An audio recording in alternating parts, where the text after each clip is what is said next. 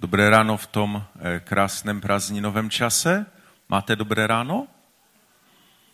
Eh, pojďme ještě, teď jsme stáli, chválili pána, ale pojďme ještě, jestli vás můžu vyzvat, pojďme se postavit a já bych chtěl na úvod přečíst dva místa z Bible, které eh, jsem tak prožil jako takové stěžejní pro dnešní kázání a také bych se chtěl modlit. První místo je z Lukáše z 18. kapitoly prvních 8 veršů. Vypravoval jim podobenství, aby ukázal, jak je třeba stále se modlit a neochabovat. V jednom městě byl soudce, který se Boha nebál a z lidí si nic nedělal. V tom městě byla i vdova, která k němu ustavičně chodila a žádala. Zastaň se mne proti mému odpůrci. Ale on se k tomu dlouho neměl. Potom si však řekl, i když se Boha nebojím a z lidí si nic nedělám, dopomohu jí k právu, poněvadž mi nedává pokoj. Jinak mi sem stále bude chodit a nakonec mě umoří. A pan řekl, všimněte si, co pravíte nespravedlivý soudce, což teprve Bůh, nezjedná on právo svým vyvoleným, kteří k němu dnem i nocí volají, i když jim s pomocí prodlévá? Ujišťuji vás, že se jich brzo zastane. Ale teď ten nejdůležitější verš. Ale nalezne syn člověka víru na zemi, až přijde? A druhé místo je z Marka z 10. kapitoly 14 až 15. Nechte děti přicházet ke mně a nebraňte jim, vždyť právě takovým patří Boží království. Amen říkám vám, že kdokoliv nepřijme Boží království jako dítě, nikdy do něj nevejde. Pane Ježíši, já ti tak Děkuji za tu nesmírnou milost a vysadu, že zde mohu dnes stát a že můžu tak eh, předávat to slovo, které věřím i od tebe, pane. Tak tě prosím, veď mě svým duchem, ať opravdu můžu předat to, co je z tvého trůnu, kež se nás to může dotknout a proměnit nás, kež nás to možná může napomenout, možná povzbudit, možná uzdravit v našem jednání, pane. A tak tě prosím, kež nejsme jen posluchači slova, ale i jeho činitele. Amen. Amen. Tak můžete se posadit? Jak prožíváte prázdniny? Trošku prožídli naše řady, někteří možná jsou na dovolené. Eh, je to takový zvláštní čas, takový čas, kdy je venku teplo, eh, jsou různé dovolené a já jsem eh, když jsem mi tak Bohuž říkal, že bych měl dneska kázat, tak jsem hodně přemýšlel, o čem bych měl mluvit a celou tu dobu eh, ke mně tak mluvil, nebo mi v mysli rezonoval verš, takový známý, já ho přečtu eh, z králické verze, že jsem kdysi četl králickou Bibli a tak mi to pořád mám v mysli tu králičtinu. Je to známé slovo Židům 11.1. Víra pak je z nadějných věcí podstata a důvod neviditelných. A srozumitelněji to píše B21. Víra je podstata věcí, v něž doufáme, důkaz skutečnosti, jež nevidíme. Tam je, já jsem si tam, eh, už jste ho viděli, ten obrázek eh, na pozadí písni, eh, je tam známý, je, určitě víte, je to z komiksu, který jsem našel na internetu a Není to moc kvalitní, ale lepší obrazek jsem nenašel, tak se mi to velmi líbilo. Eh, tak eh, bych chtěl, abyste to tak měli na očích, protože celé to kázání, když možná to budu mluvit trošku z jiného úhlu, tak vlastně hovoří o tom. Znáte ten příběh, kdy, kdy Petr, eh, když byla taková, byla tma v noci a učedníci, učedníci plavali na lodi a najednou se zděsili, protože viděli postavu, která k ním přichází. A na, pak nakonec poznali, že to je Ježíš a Petr takový odvážný říká, pane, při, přikaž mi, abych mohl jít k tobě. A, a Ježíš mu říká, pojď. Tam je to slovo, to název toho kázání, pojď. A Petr vystoupil z té lodě a, a kráčel po vodě k němu, ale když si najednou uvědomil, že je vítr a že je že jsou vlny vysoké, tak za, začal tonout. A Ježíš se podivil té jeho nedověře, ještě možná potom budeme mluvit dál a, a nakonec to dopadlo, že Ježíš ho vytáhl a zpátky ho pomohl mu se dostat zpátky do lodě a pak se utišila ta bouře. Zvláštní příběh.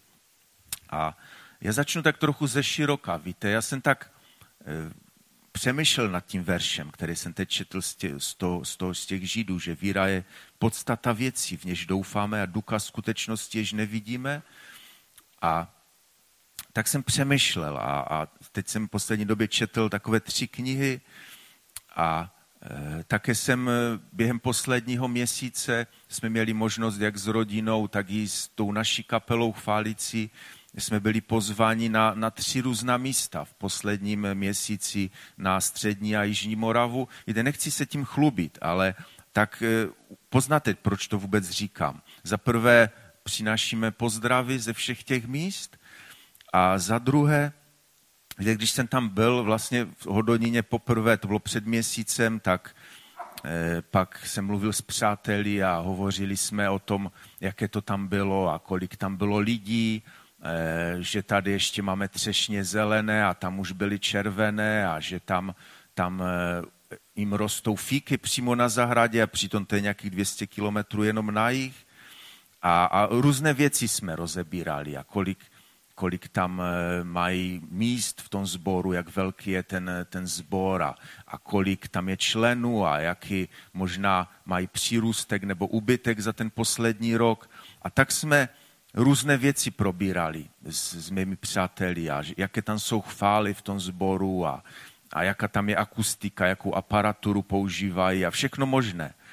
A tak mi přišlo na mysl, Eh, když jsme to tak rozebírali, a když jsem si vzpomněl na to, o čem jsme mi vlastně eh, potom eh, mluvili, ohledně, ohledně toho sboru, ve kterém jsem byl, tak jsem si vzpomněl, no mi to připomněla vlastně ta jedna kniha, kterou jsem četl, že je takové zvláštní místo v, v Tesalonickém, je takový zvláštní dopis a já bych chtěl Eh, se nějakým způsobem pozastavit u, toho, u tohoto dopisu tesalonickým, protože ten tesalonický dopis, eh, nebo Pavel píše takový dopis tomu sboru v Tesalonice a on nějakým způsobem se zajímá o ten sbor.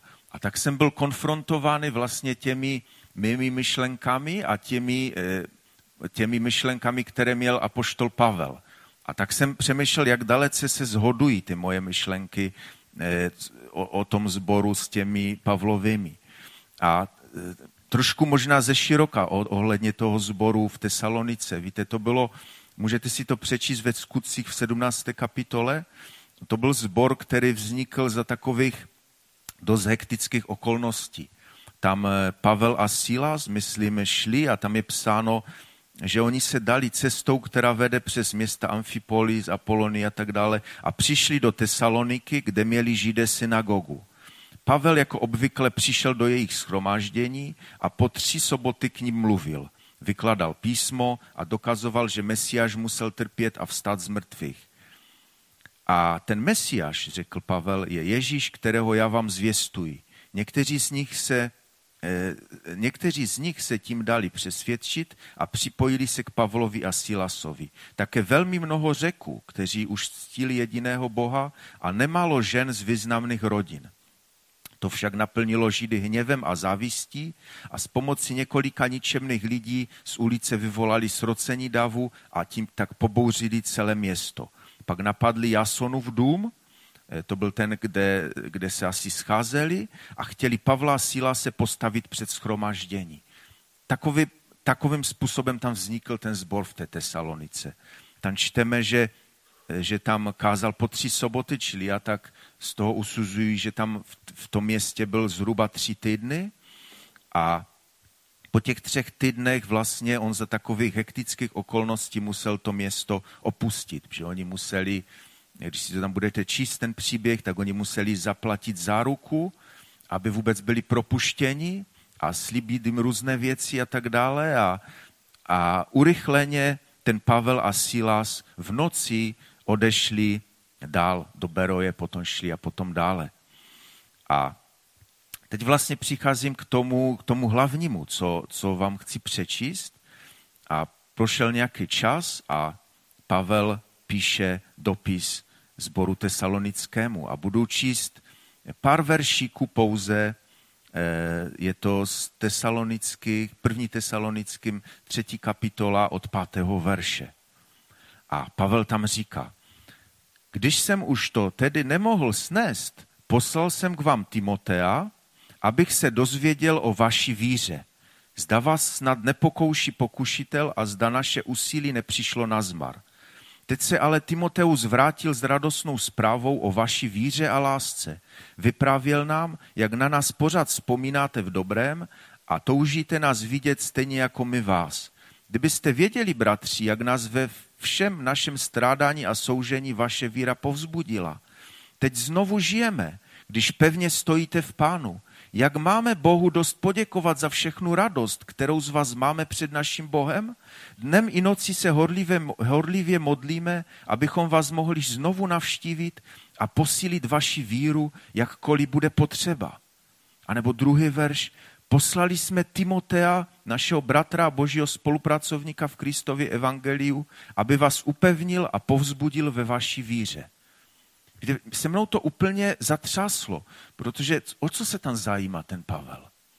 A můžete si přečíst, ta celá třetí kapitola eh, té první Timoteovým je o tom. On se zajímá, on už to nemohl déle snést, on se strašně ve svém duchu zajímal, co tam vůbec, jak to tam vypadá v tom sboru. Zajímal se o nějaký přírůstek členů za, ty, za, ten, za to poslední období? Zajímal se, jestli tam e, jsou pořád v tom domě Jasona a, a jestli třeba už ten dům Jasona je malý a už možná přešli do něka, některého jiného domu. Zajímal se o to, čtete to tam? Já ne. On se zajímá, jaká je jejich víra. Kde to, to se mnou zatřáslo, protože jsem si uvědomil, že my se zajímáme o různé věci a tím nechci zlehčovat vlastně to, že jsem vyprávěl lidem a lidé se mě ptali, jaké to tam bylo, protože to, to, jsou, zvla, to jsou dobré věci a pozbudivé. Nicméně bych chtěl takovým způsobem vypíchnout tu, když jsem četl na začátku, když jsem to už tedy nemohl snést, poslal jsem k vám Timotea. On byl, ten Pavel, tak zvědavý, nebo jak to říct, tak byl ve svém srdci skroušen a tak prostě se nemohl, se zajímal, jaké to tam je, tak poslal Timotea. Proč? Aby se dozvěděl o vaší víře. Víte, to mě hodně, ke mně hodně promluvilo a já bych chtěl dneska mluvit o víře, protože když jsem četl těch pár veršíků, tak jsem tam napočítal pětkrát slovo víra. To bylo pár veršičků, já nevím, jestli šest nebo sedm, a v těchto krátkých, v tomto krátkém místě je pětkrát použito slovo víra. A on vlastně se nezajímal o nic jiného, než, než o víru. A když ještě k tomu připomenu ten verš, který jsme četli na úvod, že když ale nalezne syn člověka víru na zemi, až přijde, tak jsem byl přemožen tou naléhavostí, kterou jsem pocítil. A chtěl bych vám to nějakým způsobem dneska předat, to, co jsem prožíval, když jsem nějakým způsobem přemýšlel, co mám dneska k vám mluvit. Protože každý z nás přemýšlí o tom a mluvíme o tom, že nastane čas, kdy přijde Ježíš po druhé na tuto zem pro svou církev a, a co on bude hledat, Ježíš, když přijde pro svou církev? Bude hledat víru, a četli jsme takové eh, velmi, velmi eh, burcující slovo, zda nalezne syn člověka nebo Ježíš víru na zemi, když přijde. Co to ta víra je? Co to, co, co to znamená? A teď bych mohl mluvit o tom, co e, ještě více nějakým způsobem bych chtěl mluvit o tom, e, jestli to zajímá Boha víra jestli to zajímala, zajímala víra Ježíše, když chodil po této zemi. Určitě, určitě bych mohl mluvit o Abrahamovi, protože to byl otec víry a, a určitě víte, že, že to Boha nesmírně zajímalo, ta jeho víra. A on mu požehnal skrze to a je to otec víry a je to snad největší příklad v Biblii, co se týče co se týče víry. Ale ten příběh každý z nás známe a, a už něk, mnohokrát bylo o něm tady mluveno, čili já bych chtěl dneska říct takové jiné myšlenky. Co zajímalo Ježíše na lidech? Mluvili jsme o Pavlu, co zajímalo Pavla, ale co zajímalo Ježíše na lidech? Byla to jejich moudrost? Byla to jejich schopnost pro ten daný účel, pro který si je použil, nebo to byl třeba, já nevím, teď jsme, bratr Bohuš tady měl sérii dlouhou o, o Matouši. Víte, co zajímalo Ježíše na Matouši? Byl to, byla to jeho finanční nějaká schopnost, že uměl dobře fungovat, že, byl, že měl dobré morální kvality? Že si myslím, že, že když někdo se zabývá penězmi druhých lidí, tak by měl být dobrých morálních kvalit. A ale tam, když, když to tak procházím, tak prostě to tam nečtu. Jenom čtu cestou odtud Ježíš uviděl člověka jménem Matouš, jak sedí v celnici a řekl mu, pojď za mnou. A on vstal a šel za ním a, a když pak stoloval v jeho domě, přišlo tam mnoho vyběrčích daní a různých hříšníků a stolovali s Ježíšem, tak to uviděli farizeové a řekli, jak to, že váš mistr s vyběrčími daní a hříšníky. A Ježíš jim odpověděl, Lékaře nepotřebují zdraví, ale nemocní. Je tam, to je tak napsáno, jak kdyby ti vyběrčí daní nebyli považováni za nějakou morální elitu. To tam je, to tam je tak napsáno, že, že to je nároveň postaveno vyběrčích daní a různých hříšníků a, a, a dalších, dalších takových e, charakterů nemoc kladných. A on si toho Matouše povolá za, za svého učedníka. Že to je zvláštní. A kdybychom šli dál, co, co zajímalo Ježíše na, na lidech? U toho Matouše jsme se nedozvěděli, jako to tam není nějak zřetelné, co na to Matouši imponovalo Ježíši, ale pokud bychom šli dál a třeba bychom četli příběh o římském setníkovi z Lukáše, kdy eh, to byl vysok, vysoce postavený voják, v římské armádě a on měl sluhu, kterého pravděpodobně měl velice rád a on potřeboval, aby Ježíš uzdravil toho jeho sluhu. A poslal proto své přátele za Ježíšem a Ježíš tam chtěl jít do toho jeho domu, ale on skázal jako Ježíši, vůbec za ní tam nemusíš chodit tam ke mně, protože já nejsem vůbec hoden, eh, hoden to, aby vůbec vešel ke mně, ale stačí, já mám také jako pod sebou Eh, vojsko a já řeknu rozkaz a dějou se věci a proto Ježíši stačí, když, když vydáš rozkaz a ten sluha můj bude zdrav. A co Ježíš odpověděl? Když to Ježíš uslyšel, podivil se, obrátil se k zástupu, který ho nasledoval a řekl, pravím vám, že tak velikou víru jsem nenalezl ani v Izraeli.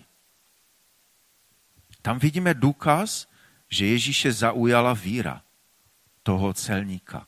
Nebo další příběh, cizinka další. To byl Říman, zase další cizinka, kananejská žena, prosila za svou posedlou dceru a, a prosila Ježíše, aby jí nějakým způsobem pomohl, uzdravil, osvobodil a Ježíši tak stále odmítal. Můžete si to přečíst, celý ten příběh, je to v Matouši 15. kapitole zapsán, ten příběh. On ji pořád odmítal a mluvilo se tam o různých drobtech, které padají ze stolu a, a Ježíš se ptal, jestli vůbec máme psům, jako jestli máme vzít to těm dětem a dát to psům, to jídlo a takové prostě dost drsné věci, ale ona se nedala odbyt. Ona se nedala odbyt a Ježíš to nakonec zhodnotil, jak velikou máš víru, ženo, odpověděli na to Ježíš. A se ti stane, jak toužíš. A od té chvíle byla její dcera zdravá. Víte, zase se zajímal o víru. A, a nebo když bychom eh, šli na jiná místa, které zase mluví o nevíře, tak třeba Ježíš přišel do svého rodného města Nazaretu, v Marku 6. kapitole od 5. verše, to je zapsáno, a nemohl tam učinit žádný mocný čin, jen na několik málo nemocných vložil ruce a uzdravil je. A podivil se jejich nevěře. Se divil se víře a divil se nevěře. On jenom pár lidí mohl nějakým způsobem uzdravit, ale nemoc, protože se podivil jejich nevěře a je to zvláštní, je to tak působí a myslím si, že to tak i bylo, že, že tam viděl nevěru a těch lidí nebylo moc uzdraveno. Tak to tam je napsáno. Nebo ten příběh, který vidíte na tom slajdu, jo? tam je, když, když ten Petr, jak už jsem říkal, začal tonout a, a vykřikl, pane, zachraň mě, tak Ježíš stáhl ruku a zachytil ho a řekl mu, malověrný, proč si zapochyboval? Zase se podivil nad jeho malou vírou. A nebo Nebo další místo z Matouše z 9. kapitoly. Cestou odtud šli za Ježíšem dva slepci a křičeli, smiluj se nad námi, synu Davidův. Když došel domů, slepci přišli za ním. Věříte, že to dokážu? Zeptal se jich Ježíš. Ano, pane, odpověděli. Dotkl se tedy jejich očí a řekl, ať se vám stane podle vaší víry. Víte, to je zvláštní. To jsou zvláštní místa. A nedávno tady Bohuž kázal o, o takovém tom náramku, které se kdysi nosilo, to VVJD, What would Jesus do, co by Ježíš udělal. A pamatujete si to kázání asi všichni, že? A já jsem tak přemýšlel, když teď jsou moderní ty různé sociální sítě, jestli by nám olajkoval ty různé naše posty, které tam vkládáme. Jestli by nám, když tam dáme někde dovolenou, teď jako neberte mě špatně, jako já věřím, že dovolená je úžasná, my se také chystáme někde vyrazit, že věřím, že to je dobré, ale tak přemýšlím, přemýšlím nad tím, jestli by nám tam dal ten like, že jsme byli někde, já nevím kde, v Chorvatsku nebo na Šumavě nebo, nebo někdy. Jestli by nám tam prostě dal jako I like it, mně se to líbí. Protože já vím, že dnešní doba je taková, mluvil jsem s mladými z naší skupiny a ti mi říkali, že to je prostě to, když jim někdo nedává ty lajky, tak oni potom trpí a cítí se méně cení. A to dneska prý hybe světem, já nevím. Ale proto tak je, jako já jsem i četl na internetu různé zprávy, že lidi se i, i jakoby sebe vraždí kvůli tomu, že jim tam druzí nedávají lajky. A to je vážné. A já si říkám, dal by nám tam Ježíš ten like na ty naše různé posty, které tam dáváme? Víte, tam je, tam jsou různé statusy, tam je, jestli je člověk ženatý nebo vdaný a, a jenom snad pohlaví, tam je devět druhů. Jo? A je tam víra, nějaké, nějaká kolonka, že by prostě moje víra, já nevím, od jedna do deset, na kterém té úrovni se nachází. Je to tam? Já, já to moc eh, neznám, ale eh, občas se dívám, eh, má žena, abychom trošku byli v obraze, ale já to tam jsem nenašel. A přitom to je tak klíčové, jako celou dobu vlastně o tom mluvím a, a Pavel se zajímal v tom sboru o víru a, a Ježíš se zajímal o víru a o nevíru a, a Bůh se zajímal o víru Abrahama a, a celá Bible, celý nový zákon a starý zákon se zajímá o víru a tam víra není. A přitom to je tak klíčové. Víte, já jsem totiž přesvědčen, že ta víra je klíč. Klíč nejen ke spasení, ale je to, je to klíč do našeho každodenního života, je to klíč do našich manželství, je to klíč do naší služby, je to klíč do naší, eh, do naší vychovy našich dětí, prostě do každodenních situací, ve kterých jsme. Potřebujeme víru. A Andrew Murray před stolety řekl, tak jako máme naše smysly, které Eh, skrze které komunikujeme s fyzickým světem, tak víra je duchovní smyslový orgán, který komunik, kterým komunikuje naše duše a je ovlivňována světem duchovním. Víte, to je nesmírně důležitá vlastnost. A jak na jiném místě psáno v Biblii, že bez víry se není možné zalíbit Bohu, a Ježíš se zajímal pořád jenom o víru a víru a víru a Pavel, a já už jsem to říkal, co to teda ta víra je? Je to nějaké mentální psychologické cvičení, které dneska frčí. Dneska lidi pochopili, svědčtí lidé pochopili určité principy, protože Bůh stvořil člověka a na základě nějakých fyzikálních a psychologických principů a oni pochopili, že když budeme nějak pozitivně myslet a pozitivně vyznávat, tak budeme ku předu a, a tak se teď mluví, aby, aby lidé vyznávali pozitivně. A dokonce i církve to přebrali a hlasají, že je třeba vše pozitivně a vírou. Jo, a já dobře vidím, já, já, já perfektně vidím, ale mě, mě to prostě nesedí, když to řekne člověk, který má devítky a stigmatické dioptrie. Jo, já, já si z toho nechci dělat legraci, ale je to nějaké mentální psychologické cvičení, ta víra? Zdá se vám to, že to prostě je nějaké vyznávání prostě naší mírty? Mě zaráží, abych eh, to z Bible nějakým způsobem obhájil nebo, nebo neobhájil, je takové místo, které jsem našel Iziáš 29.13, kde se píše, se tento lid přibližuje ke mně ústy a ctím je svými rty, ale svým srdcem se ode mne vzdaluje. Je to tedy nějaké to mentální, řečové, psychologické cvičení? Nebo je, to, je ta víra nějaký zápas? Když, když dneska se sejdeme s bratříma, se sestrama s přáteli a říkáme, ptáme si, jak žijete s pánem, tak často eh, odpovídáme, víš, jako zapasíme. Zapasím tvrdě a, a snažím se, snažím se ze všech sil, jak to jenom jde.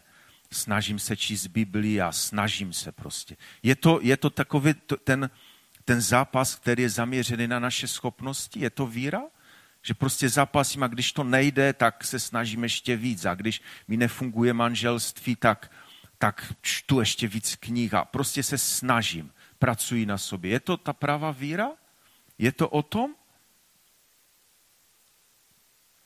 Když, když budu chtít být ve chválách a uh, chci udělat perfektní chválu, tak budu studovat někde v Americe na nejlepší jazzové škole podle těch nejlepších harmonických nauk prostě stvořím píseň a teď řeknu, tam ji postnu někde na ty sociální síti a to, jsem, to je moje chvála. Jako dát tomu ten Ježíš, dá k tomu like, že líbí se mu ta chvála? které podle těch nejnovějších trendů bude se mu to líbit, pokud to bude, pokud to bude z těch našich schopností? Víte, jak je, jak je možné, že, že eh, my pracujeme v církvi a moje žena eh, pracuje v Biblosu a tam určitě jste všichni byli a tam je celý regál, který je věnovaný manželství. A tam jsou různé knihy, které které hovoří, jakým způsobem máme žít, abychom eh, měli dobré manželství a jak to všechno Bůh připravil. A je tam toho tolik, že to za, za celý rok nepřečtete. A jak je možné, že v době, kdy máme tolik knih, je, se rozvodovost přehupuje už přes 60%. A to mluvím o církvi. Už to není 50, jak to bylo do nedávno. Už to je 60%. Jak to je možné? jako můžu kázat tady a často tady mluvíme, že abychom byli, nebyli jenom posluchači, ale abychom byli i činitele. Víte, možná mluvím tak eh, nesouvisle, možná nesrozumitelně. Já nevím, jestli vám budu umět předat to, co jsem nějakým způsobem prožil. Budu se snažit, ale víte, ale nalezne syn člověka víru na zemi, až přijde? Víte, tak stále cítím, že všechny ty aspekty toho našeho lidského žití tady na zemi jsou spjaty s tou vírou. A ta víra působí ty nadpřirozené věci, o kterých ještě budu mluvit dále. Protože Ježíš chce, abychom měli víru a on to chce a chce a chce a my se nemůžeme mu zalíbit bez toho, aniž bychom měli víru. Co je to tedy ta víra?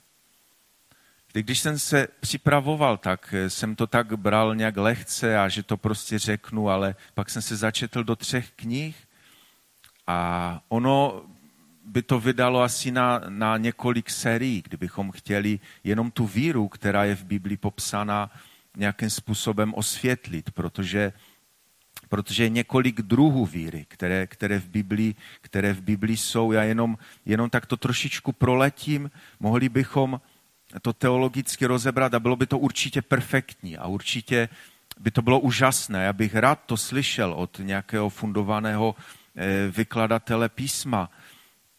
Já jsem jenom eh, tak namátkově, máme spasitelnou víru, což, což je víra v Ježíše, který, naš, kterým, který který je náš spasitel, kterému musíme věřit, že on za nás zemřel na kříži a přijmout to vírou. A jenom to přijmutí té víry, té spasitelné víry, která, způsobí to, že, že jsme spaseni, že máme naději na věčný život v ním v nebesích, tak jenom tato víra je v Biblii popsaná čtyřmi způsoby. Je to víra do Ježíše, jako třeba je to ve skutcích 20. kapitole, naléhal jsem na Židy a řeky, aby se v pokání obratili k Bohu a uvěřili do našeho Pána Ježíše. Tam to je z řečtiny. Víra je pistos, myslím slovo, a tam je pistis. A tam je eh, použita předložka do. Něco v tom smyslu, že nestačí věřit, že máme vytah. A já věřím, že ten vytah prostě jezdí nahoru a dolů, ale já musím se prověřit do toho vytahu. Já musím do toho vytahu vstoupit, protože jinak se na to horní patro nedostanu. To je víra do. Potom máme víru, potom máme víru, eh, víra v něco, v nějakou věc, jako třeba v Římanům jeho Bůh ustanovil za prostředek smíření skrze víru v jeho krev. Potom máme víru, která na něčem staví, která, která je založena na něčem, na nějakém základu, na Ježíši. Nebo máme víru k, k zaměřené k nějakému cíli. Jako třeba v té tesalonické v první kapitole je, že tam píše o vaší víře směřující k Bohu se ví všude a není třeba už o tom více mluvit. To jsou všechno spasitelné víry. Pak máme víry, eh, víru jako ovoce Ducha Svatého, což na základě těch galackých 5.2.2, eh, kdy je psáno, ovoce ducha je láska, radost, pokoj, schovivavost, vlídnost, dobrota, věrnost, neboli víra, tichost a zdrženlivost. A nebo máme víru jako duchovní dar, což, což je z první, kapito, z první korinským z 12. kapitoly, kdy, jsou, kdy, jsou, kdy tam Pavel popisuje eh, ty inspirace duchem, že je jeden duch a jsou, jsou různé dary. Je jeden Bůh, je jeden, jeden syn a jsou různé věci a skrze ducha máme různé dary a mezi těma dary jako je moudrost a slovo poznání a vyklad jazyku a, a, a tak dále, proroctví, tak je tam psáno i o víře. A každému byl dán nějaký ten dar, který slouží k budování církve. A jeden z těch darů je víra. A to bychom mohli rozebírat a to by vydalo na samotné kázání, neli více kázání. Ale tak jsem se zamýšlel, jak to vysvětlit jednoduše jakým způsobem vysvětlit víru jednoduše. Tak jak jsem četl na úvod ten verš, kdy je třeba přijmout nebeské království jako dítě, že jinak do něho nevejdeme. Víte, si pamatuju, Jindříšek už je teď velký, ale když byl menší, když se cokoliv dělo, on prostě přiběhl a když mi nedosáhl víc než popas, tak mi prostě vzal nohu, objal mi nohu a teď jako věřil, že prostě mu nějakým způsobem pomůžu. Mít takovou víru, jak to malé dítě. Víru, která je na základě vztahu. Víru, která, která, která ví a která věří i přesto, že mu nedám všechno, co potřebuje. Protože každý dobrý rodič ví, že je lepší nedat všechno tomu dítěti. Že to způsobí jeho lepší vychování, než kdyby mu dal všechno. Já jsem si to uvědomil, teď jak tady Danek říkal, o tom royalu. Já jsem tam byl, ještě jsem tam nesl nějaké papíry v pondělí a tak jsem měl takový úžasný čas, šel, to se tam jde nahoru z Košaří, z Ganin 4 kilometry snad do kopce a teď jsem šel dolů, tam nebyl nikdo a já jsem tak mohl tou cestou jít a tak chválit pána. Tak jsem měl takový úžasný čas a přemýšlel jsem nad kázáním a tak jsem kladl ten tábor do božích rukou a, a tak jsem říkal, kež je, pane, zachováš od těch různých klíšťat a od těch různých nemocí a těch různých věcí, které tam na ně mohou přijít. A tak jsem byl takový nadšený. A za dva dny mi Danek volá a říká, ty přijeď, protože Jindříšek má 39 horečku a, a, a haní se mu oči, že dostal zánět spojivek. A tak jsem si najednou říkal, mám jet, jako teď se modlím a teď prostě se dějou takové věci. Máme víru i přesto, že nám pan nedá, co okamžitě chceme? Víte, tak věřím, že, že Bůh ví dobře, co nám má dát a co ne, protože on je dobrý rodič a kdybyste si četli ty různé příručky, tak zjistíte, že není dobré dítěti dát všechno, co potřebuje. A tak jsem přemýšlel ještě, jakým způsobem vám tu víru a jak ji získat, obzvláštnit, tak jsem eh, přišel na takový zvláštní příběh z Lukáše, příběh Zachariáše a Alžběty. A je to takový příběh, o kterém se moc nemluví a pouze Lukáš, myslím, nám ho tam zapsal v první kapitole. Třeba jenom Marek píše, že Bůh poslal předchůdce jménem Jan Křtitel, aby řekl lidem, aby činil pokání, aby činili pokání a připravili se na příchod Meziáše. Ale Lukáš nám dává takový zvláštní příběh. A v tom příběhu jde o to, že, jak už jsem teď říkal, že Bůh se chystal poslat na zem předchůdce Mesiáše, Jana Křtitele, který připraví tu cestu pro Mesiáše, který bude, který bude volat o otci k synům a tak dále a tak dále, bude připravovat tu cestu a, a bude volat lidi, aby činili pokání a připravili se na ten příchod a tak dále. Čili Bůh se chystal eh, udělat takovýto akt. Chtěl poslat na zem toho, toho předzvěstitele, nebo jak to říct, toho Jana Křtitele, který to všechno připraví. A samozřejmě si vybíral teď ty, tu mámu a tátu pro toho Jana Křtitele. A tak jsem přemýšlel, zase, jak už jsem říkal na začátku, měl možnost si vybrat. Měl možnost vybrat manželku a toho muže a teď my bychom řekli, tak Bůh je pánem celé země, tak vybereme prostě to nejlepší, co tady máme. Jako my prostě, Bůh ví přesně, on má spočítaný každý vlast na naší hlavě, proto vybereme ty prostě nejlepší dva, ten nejlepší pár, který na zemi je. Jo, to znamená ženu, já nevím, jak si to představujete, jak byste vy vybírali. Jo, by vybral nějakou mladou prostě v plné síle, jo, takovou fakt fakt jako cestovalou a znalou jazyku a, a nějaký titul by se určitě hodil a nějaké dvě biblické školy by určitě nebyly na škodu, určitě by byly podmínkou. Já operka by musela už od desíti let někde v Anglii, že to je třeba jako jazyky, jo? To, on bude připravovat cestu, tak to prostě bude, ta, to, musí, to musí prostě makat. A ten muž eh, určitě tak bychom vybrali jakoby fakt dobrého nějakého, schopného. Jo, nějaký docent Inga a ještě PhD za jménem a fakt jako nějaký borec. Jako fakt e, z dobré rodiny a, a dobrý prostě, aby ten, ty jeho geny byly fakt jako bomba. A co vybral Ježíš? Četli jste to někdy? On je to zapsáno v Lukáši od, eh, v první kapitole. Za dnu judského krále Heroda byl jeden kněz jménem Zachariáš z Abiášova kněžského oddílu. Jeho manželka byla z dcer Áronových a jmenovala se Alžběta. Ačkoliv byli oba v božích očích spravedliví a žili bezúhonně podle všech hospodinových přikázání a ustanovení, neměli dítě. Alžběta byla neplodná a oba byli už v pokročilém věku. Jako On vybral ženu, která podle mě nevytáhla paty z baráku, si myslím, za prvé, a za druhé vybral ženu, která byla nejenom za zenitem tím, že věkem už nemohla mít dítě, ale ona navíc byla neplodná.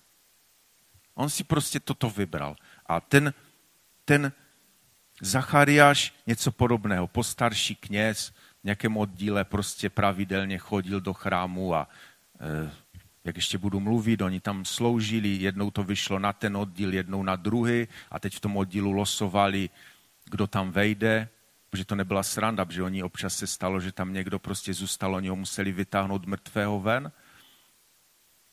Tak takového prostě člověka si Bůh vybral. A teď znáte ten příběh, jak to, já to nebudu nějakým způsobem prodlužovat. Tam se stalo, že on sloužil v tom chrámu a měl tam myslím, nějaké kadidlo eh, v tom chrámu obětovat a najednou se tam objevil anděl po, po kraji toho oltáře a říká, neboj se Zachariáši, tva prozba byla vyslyšena. Tva manželka Alžběta ti porodí syna a dáš mu jméno Jan. Budeš se s něho radovat a veselit a z jeho narození budou mít radost mnozí, neboť bude v hospodinových očích velký. Nebude pít víno ani opojný nápoj, a už z luna své matky bude naplněn duchem svatým. A mnohé ze synů Izraele obratí k hospodinu jejich bohu a před jeho tváří půjde v duchu a moci Eliášově, aby obratil srdce otců k synům a nepovolne k moudrosti spravedlivých, aby přichystal pánu připravený lid.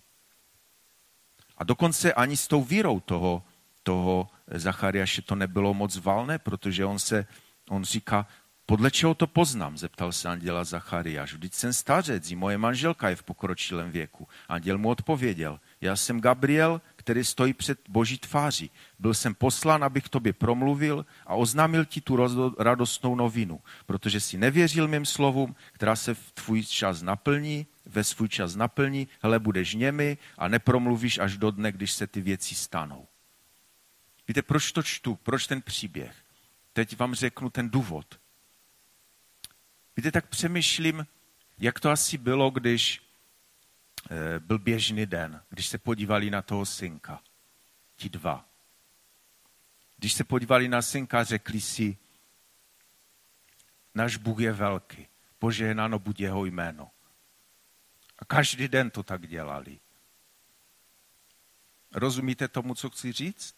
Že on viděl, eh, viděl ten Jan každý den viděl vděčnost Bohu a jeho víra mohla růst. Víte, to je to úžasné. Každý den viděl lekci víry, kterou mu dávali ti, ti eh, jeho rodiče, protože víra je ze slyšení zvěstí a zvěst, skrze, a zvěst je skrze slovo Kristovo, jak je psáno v Biblii. Víte, on každý den mohl slyšet a každý den v něm mohla ta víra růst. A toto Bůh potřeboval. A e, já bych teď e, bych chtěl dát takový příklad, že budu přicházet k závěru toho kázání. A já jsem hodně bojoval s tím, jestli vám ten příklad ukázat, protože já tady vždycky e, se snažím dát nějaký materiální nebo nějaký fyzický obraz něčeho, abyste si to dobře zapamatovali, ale dneska mám velice kontroverzní e, obraz a polovina z vás, polovině z vás se to nebude líbit. Ale tak to odpuste ten příklad, protože já to chci v dobrém ukázat a nechci, aby to nějakým způsobem znegovalo to poselství, které vám dneska přináším. Víte, já totiž, jak je psáno v Petrově listu, jste moci boží střežení skrze víru. Já totiž věřím a vím to z Bible, že víra je určitou spouští, která uvolňuje boží moc. A e, ještě o tom budeme dál mluvit.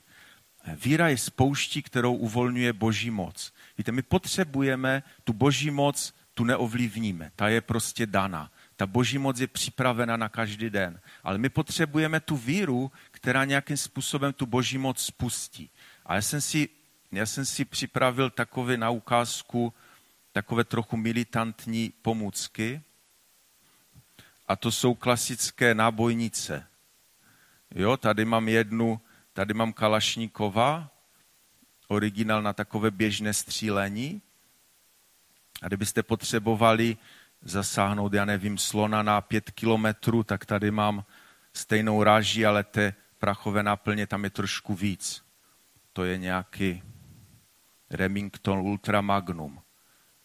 A jde o to, že v každé té nábojnici je určitý, určitý, určitá dávka prachu. To já bych chtěl jakby srovnat s tou boží mocí. A ta dávka prachu určuje, jak daleko eh, ten projektil poletí a jakovou eh, bude mít tu kinetickou energii, ale každý ten náboj má úplně stejný identický eh, tady takový díl, který je, který je uprostřed a to je zápalka. A ta zápalka je stejná Stejný typ je i tady v té velké nábojnici, i tady v té, v té, v té menší kalašníkově. Úplně stejná zápalka. A ta zápalka způsobí vznícení, vznícení té náplně vevnitř a ta nábojnice dostane tu kinetickou energii, která udělá tu práci, kterou má. Rozumíte, co vám chci říct? Já to schovám, nebudu tím dále pobuřovat.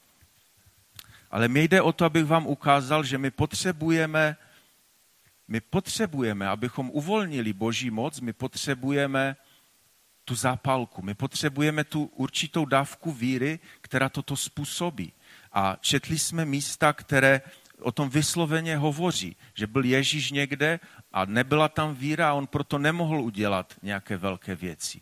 A četli jsme místa, na základě té vaší víry se staň. Já jsem přesvědčený, že to tak je, že my potřebujeme tu víru, která spustí tu boží moc, která prostě udělá to nadpřirozené. A, a teď přijdu k tomu takovému hlavnímu, co vám chci dneska říct.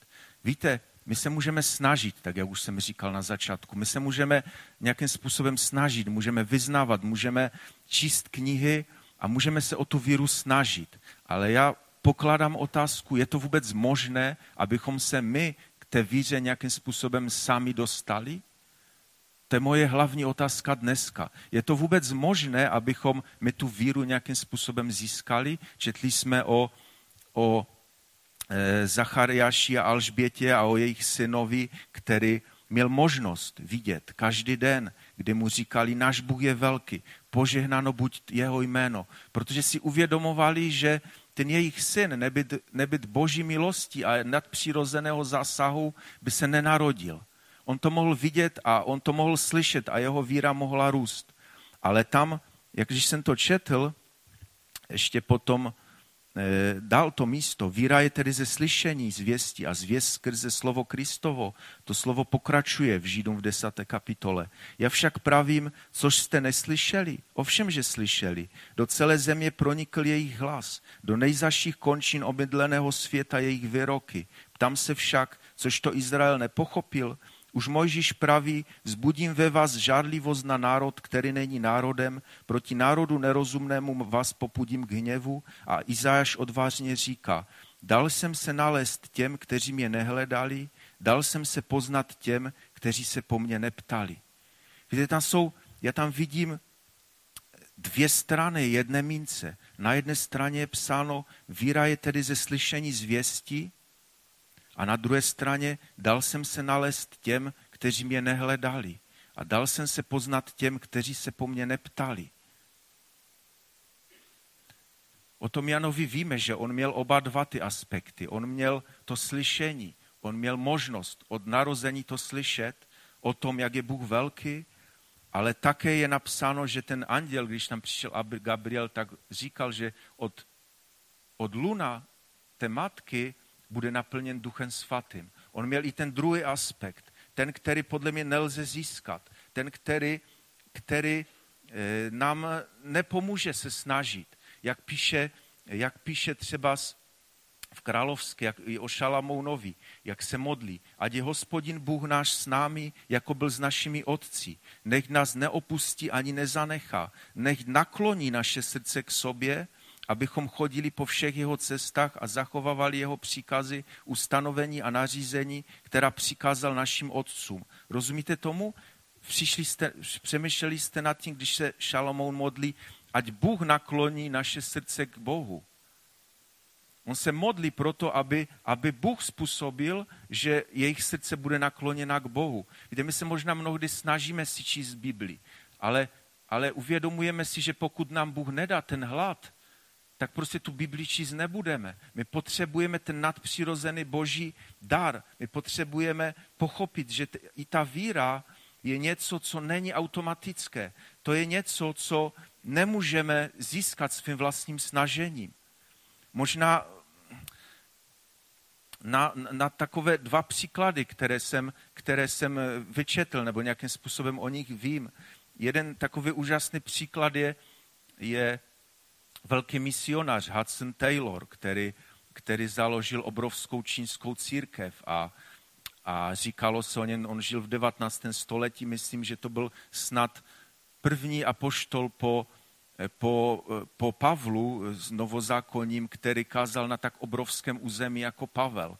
On založil mnoho, mnoho zborů, mnoho set zborů a vyslal tam mnoho, mnoho misionářů. To byl britský misionář a co je zajímavé u něho je to, že to byl nesmírně bázlivý člověk, nesmírně bojácný. Já jsem se dozvěděl, že on, prý když byl na konci svého života, když už byl nemocný, tak on měl problém dokonce eh, radostně věřit ve své spasení a tam museli být jeho známí a bratři a oni ho povzbuzovali k té víře. On měl problém eh, radostně věřit ve své spasení a přitom byl tak bazlivý. A přitom, když na něho se stoupil duch boží a, a naplnil, se projevil v něm ten dar, který měl, ten dar víry, tak konal tak mocné věci, které si můžete přečíst v mnoha knihách. Prostě když na něho Duch Svatý se stoupil, tak přišla víra, která, či, která spustila boží moc, která působila mno, mocné věci. Nebo když, když čteme o Mojžíši, když, já jsem to nikdy tomu nerozuměl, když on viděl všechny ty zázraky od, od toho od těch různých katastrof, které se děly, od těch kobylek až po to smrt prvorozených a, a viděl to nasycení manou a viděl te, ten sloup oblakový a ohnivý a viděl rozdělené moře, jak je možné, že člověk, který zažil takovéto věci, jak je možné, že ho často vidíme, jak leží bezmocně v zoufalství před božím obličejem a volá k Bohu, jak, jak kdyby nikdy předtím tu boží moc neprožil. Víte, to si, já si osobně myslím, že to je proto, protože ten Mojžíš neprodukoval tu víru sám od sebe. Ta víra mu byla dána. Víte, my potřebujeme víru do každé situace našeho života. My potřebujeme víru, počínaje, počínaje vírou v oběd Ježíše Krista, skrze kterou jsme spaseni a vykoupeni z věčné smrti. Potřebujeme víru až po víru do každodenního našeho života, do naší služby, kterou máme, do, jak už jsem říkal, do našich manželství, vychovy dětí a tak dále. Ale potřebujeme také vědět, že ta víra není samo sebou. Že to, jestli mám víru nebo nemám, to nezáleží na nás. To je všechno dar milosti. To je všechno, všechno dar, který můžeme dostat od pána.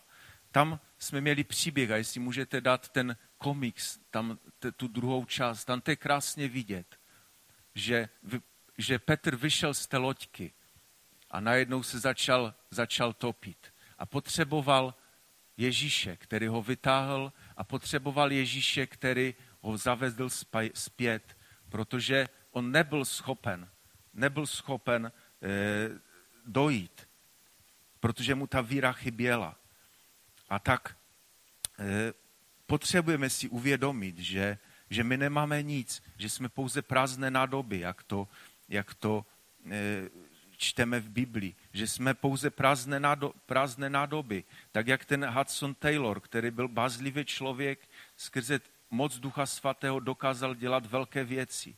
Víte, my máme mnohé schopnosti a možná jsme dobře vzdělaní, ale to nám nepomůže, abychom obstali v dnešním světě. My potřebujeme my potřebujeme nadpřirozené boží působení, které, které ukáže tomu světu eh, manželství v té podobě, kterou eh, Bůh zamýšlel, kterou, která je svatá, která je úžasná, která, která nevypadá tak, jak je obraz dnešního manželství. A proto, abychom mohli žít takovými životy, tak potřebujeme víru, potřebujeme potřebujeme víru, abychom mohli zažehnout Boží moc. A proto já bych chtěl se teď na závěr modlit. Jestli chcete, povstaňte. A já bych se chtěl modlit, abychom e, měli milost. Měli milost mít víru, bez níž se není možné zalíbit Bohu. Víte, není možné se zalíbit Bohu bez víry a přitom potřebujeme Boží milost, abychom tu víru měli. A jak píše první Jan v páté kapitole čtvrtém verši, neboť kdo se narodil z Boha, přemáhá svět. A to vítězství, které přemohlo svět, je naše víra. Ale také si musíme uvědomit, že ta víra je darem milosti, jak jsem se snažil vám dneska ukázat. A proto, pane Ježíši, Otče náš, tak stojíme tady před tebou s plným vědomím, že nejsme schopni ze sebe vyprodukovat nic dobrého, pane. Jsme jen prázdné hliněné nádoby, pane. Potřebujeme tvou pomoc do každodenních situací. Potřebujeme víru, která bude jako roznětka té tvé boží moci, pane. Potřebujeme víru, která mění svět, která dává pomazání do služby, pane, která, která mění naše manželství, která e, činí vychovu našich dětí použitelnou pro tebe, pane. Tak chceme se ti líbit a chceme být mužové a ženy víry, pane. Tak tě prosím, dej nám milost, pane, posilni naši víru a dej nám víru, pane, jednomu každému z nás, pane, kež můžeme kráčet vítězně tímto světem, pane. Kež můžeme být dobří mužové a ženy víry, pane. Amen.